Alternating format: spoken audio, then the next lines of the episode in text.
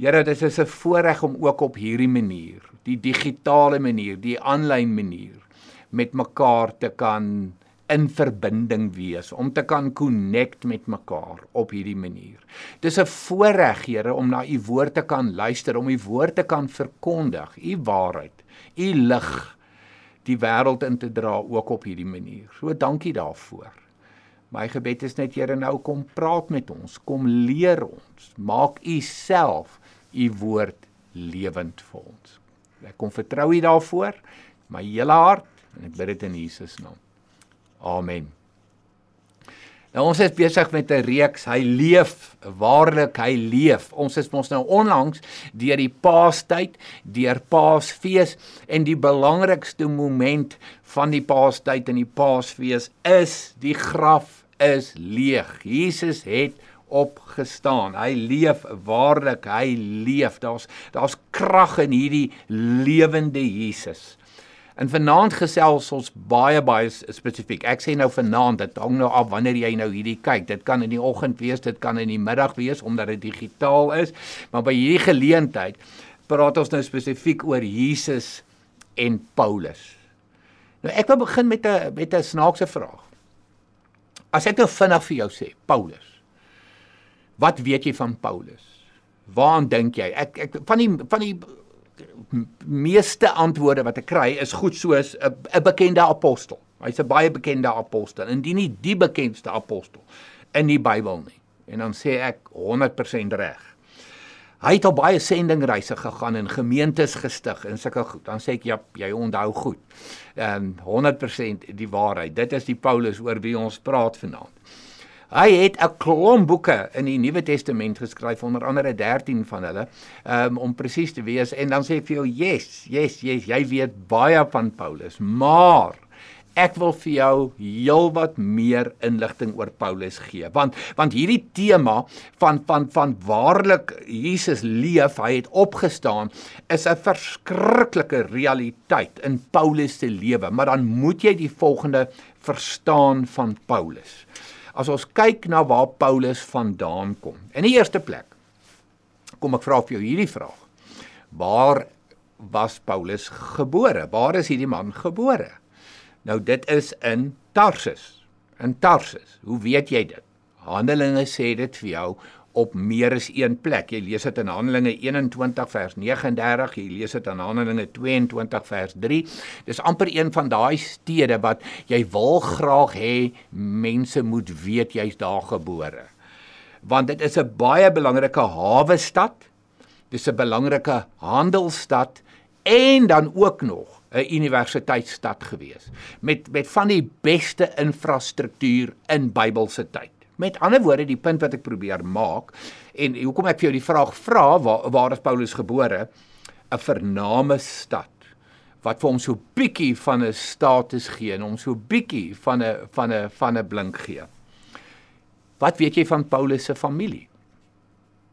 Kom ek begin om vir jou te sê hy kom uit 'n welvarende familie uit. Hy kom uit 'n skatryk huis uit. Maar Het jy geweet dat hy's gebore as 'n Romeinse burger? So hy was 'n Jood en hy het Romeinse burgerskap gehad. 'n Romeinse burgerskap was nogal 'n skaars item gewees.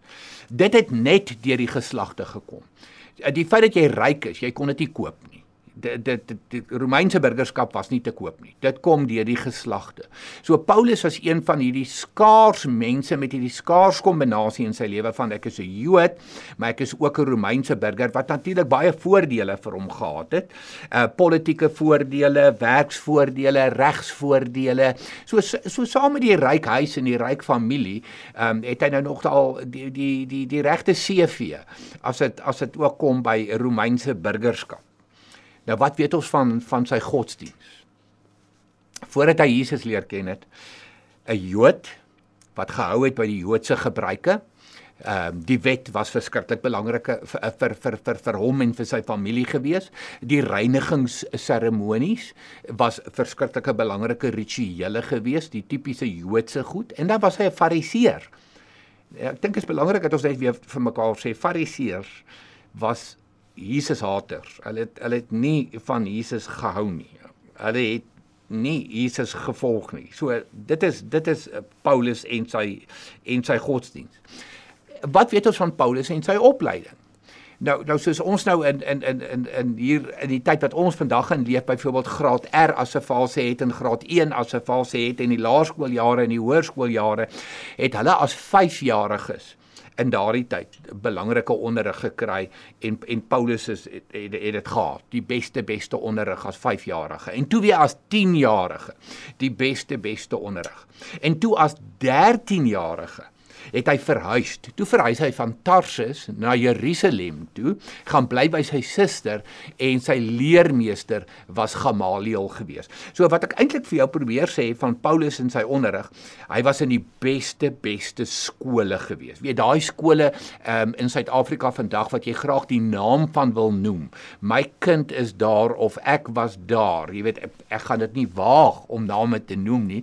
Ek gaan dit baie veilig speel, maar maar in Paulus se tyd. Ehm um, hy was uit uit uit Rome onderrig, die beste onderrig ontvang. Maar dan, soos ek vir jou genoem het, net so net so liggies genoem het.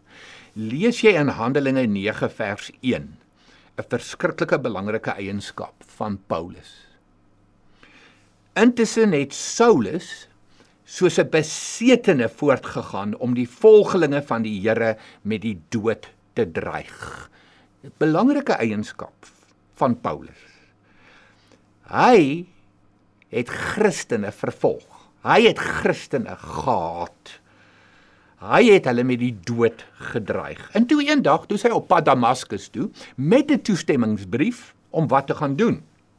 Sy doel was om al die aanhangers van die leer van die Here wat hy daar kry, mans sowel as vrouens gevange te neem en na Jerusalem toe te bring. So hy het 'n toestemmingsbrief, 'n amptelike toestemmingsbrief om Christene te gaan vervolg, om Christene, ek wil amper sê te gaan verjaag en gevange te neem. So hoor weer hierdie Jesus hater kant van Paulus. Hierdie is nie regtig 'n baie likely kandidaat vir my om die wêreld te verander Hierdie is nou in my oë as ek as al hierdie eienskappe wat ek nou vir jou lees van die, hierdie skatryk huis, hierdie bederfde jong man met die beste opleiding, fariseer, Jood, Romeinse burger, Jesus hater, vervolg Christene. Dis nou nie vir my die die topkandidaat wat ek nou dink regtig 'n verskil in die wêreld kan en gaan maak nie. Maar dan in Handelinge 9 toe hy op reis naby Damaskus kom het daar skielik 'n lig uit die hemel op hom gestraal en hy het op die grond neergeval. Nou ek sê altyd daardie lig is niks anders as 'n hoofletter lig wat uit die hemel uitgestraal het en hom getref het soos weerlig soos weerlig maar op 'n positiewe op 'n mooi manier dit is dit is God self wat hierdie man kies. Dis God self wat hierdie man met lig omring. Sodanig so skerp die heerlikheid van God dat hy met blindheid geslaan word. En hierdie moment is so intens. Ek lees vir jou verder in vers 7. Die mense wat saam met hom op pad was, het sprakeloos gestaan. Hulle het die stem gehoor, maar niemand gesien nie. So, hier's 'n lig en daar's 'n stem. God self wat praat met Paulus. En daar's getuies om Paulus wat kan sê, maar weet jy, ons het niemand gesien nie. Ons het niemand gesien nie. Dit moet God wees. Dis God alleen wat Paulus op hierdie manier uitkies en hom op hierdie manier roep binne sy koninkryk in. Hierdie soos ek dit net het gesê het, as as as dit as ek nou moes kies, dit sou nou nie my gunsteling kandidaat gewees het om die wêreld te verander nie. Maar Jesus wat leef en Jesus wat opgestaan het uit die dood, as hy met sy krag jou tref, jou oorrompel, besit neem van jou dan raak jy 'n totaal, totaal ander persoon, 'n totaal, totaal ander mens. Nou op daai oomblik, toe Paulus nou met hierdie lig geslaan word en ek sê die geslaan in aanhalingstekens, hierdie lig wat op hom straal, toe word hy met blindheid geslaan. En hy word na 'n sekere huis toe geneem. En wat die Here toe doen is om te praat met Ananias. Ek noem hierdie nou in Handelinge 9 die Ananias gedeelte. Nou Ananias word vir ons beskryf as 'n volgeling van Jesus, 'n disipel van Jesus. Met ander woorde, doodgewoon 'n Christen. Soos ek en jy vandag sal praat. En die Here sê vir hom, jy moet jy moet daar na Regheidstraat toe gaan. Jy moet na daardie baie spesifieke spesifieke huis toe gaan. Daar gaan jy 'n man kry En en en en, en jy moet met hierdie man gaan praat. Handelinge 9 vers 15. Toe sê die Here vir hom: "Gaan daarheen, want ek het hom gekies as my werktuig om my naam uit te dra onder die heidene nasies en hulle konings en ook onder Israel." Toe Ananias kom met al sy verskoning en sê: "Here, nee, ek kan nie ek kan nie hierdie man, nee, dis dis onmoontlik." Ananias voel soos soos ek dalk voel en soos jy dalk voel. Ehm um, nee, hierdie is nie 'n baie baie sterk kandidaat vir u koninkryk nie, Here. Hierdie is nie 'n baie sterk kandidaat om die wêreld te verander nie. En hoor hoe antwoord Jesus vir Ananias met hierdie woorde: Ek het hom gekies as my werktuig om my naam uit te dra. Hoor mooi, God sê, ek het hom gekies. Ek het hom gekies. Weet jy, en dit geld vir jou. Dit geld vir my. Ek het my gebreke. Ek het my tekortkominge. Ek het my stukkende mens wees. Ek het my verkeerde keuses wat ek soms maak en ek dink jy voel presies dieselfde. Ek dink jy kan assosieer. En ten spyte daarvan kom sê Jesus, ek het hom gekies as my werktuig om my naam uit te dra. nie waar nie onder die heidene nasies en hulle konings en ook onder Israel. Daar's 'n bekende lied carry his name. Carry his name wat geskryf is deur die baie bekende sangeres Christy Nockels en dit is presies wat sy beskryf dat die Here sê ek het vir Paulus gekies. Hierdie hierdie unlikely kandidaat ek het hom gekies. Hy onwaarskynlik in jou oë dat hy die wêreld gaan verander maar ek het hom gekies En en ek ek dink die Here wil vir jou vanoggend en vir my vanoggend kom sê, weet jy deur deur my opstandingskrag, ek het jou gekies. Ek het Johan gekies om my werktuig te wees. To carry my name, om my naam in hierdie wêreld in te dra, om my naam deur hierdie wêreld te dra.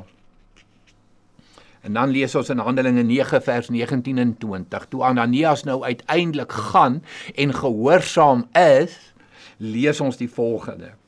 Saulus het 'n paar dae daar by die gelowiges in Damaskus gebly en dadelik in die sinagoges begin verkondig dat Jesus die seun van God is.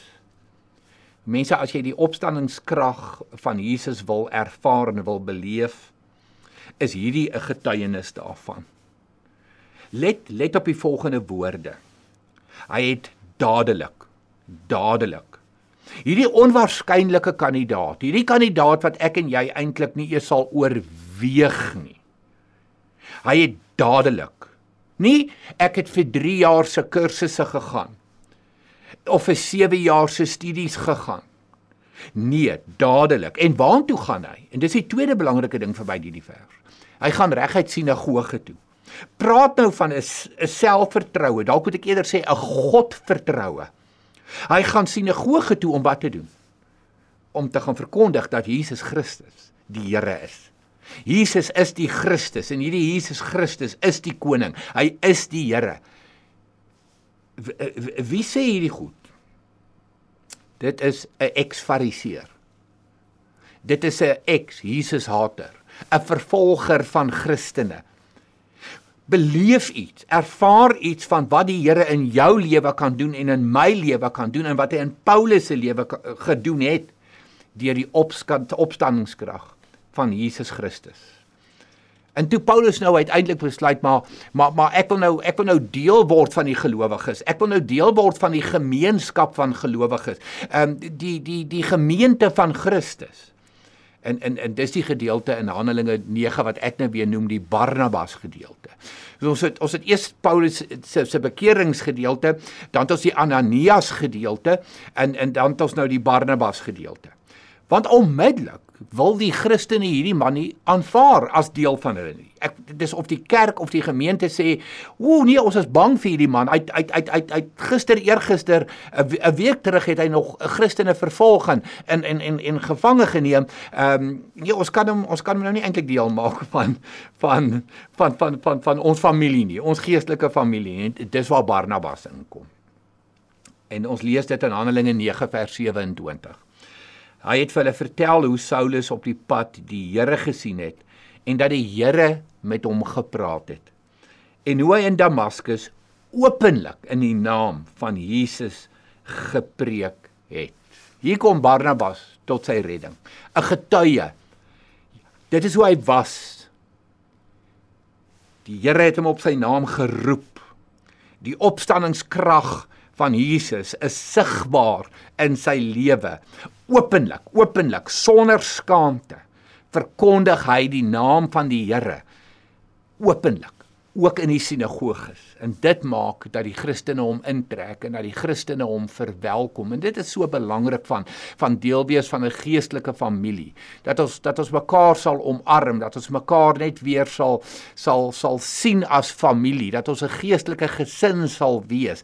En en Paulus het dit amper gemis hy het dit amper gemis sy sy ou lewe was so erg dit was so ekstreem dat Christene vir hom bang was en danksy Barnabas word hy ingetrek as deel van die familie. En nou wil ek so 'n bietjie wegbreek van Handelinge 9. En ek wil spring na na 1 Korintiërs 15. 1 Korintiërs 15. So dis nou Paulus wat self nou skryf vir die gemeente in Korinte.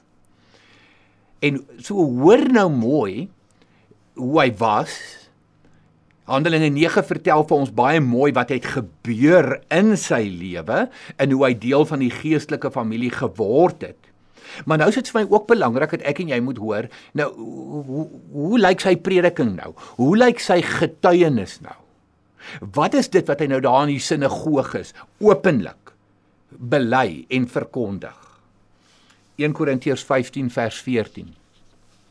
En as Christus nie opgewek is nie, is ons prediking sonder inhoud en julle geloof ook sonder inhoud. Hoor mooi wat sê Paulus. En ek en jy moet hierdie begryp. As Christus nie opgewek is nie. As die opstanding nie die waarheid is nie, as die opstanding nie gebeur het nie, is ons prediking sonder inhoud en ons geloof sonder inhoud. En ek en jy weet, Hierdie gaan nie net oor prediking nie. Die woord prediking word hier gebruik, maar dit is ook jou verhaal van redding, jou getuienis, jou storie. Elke gelowige het 'n stuk prediking, 'n getuienis.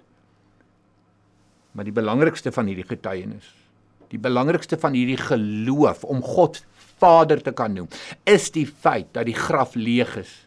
Is die feit dat Jesus opgestaan het is die feit dat daardie opstandingskrag ook vir jou en vir my vandag lewend maak en vir ons die vrymoedigheid gee om te praat daaroor. Jesus wat opgewek is. 1 Korintiërs 15 vers 17. En as Christus nie opgewek is nie, is julle geloof waardeloos en is julle nog gevange in julle sondes.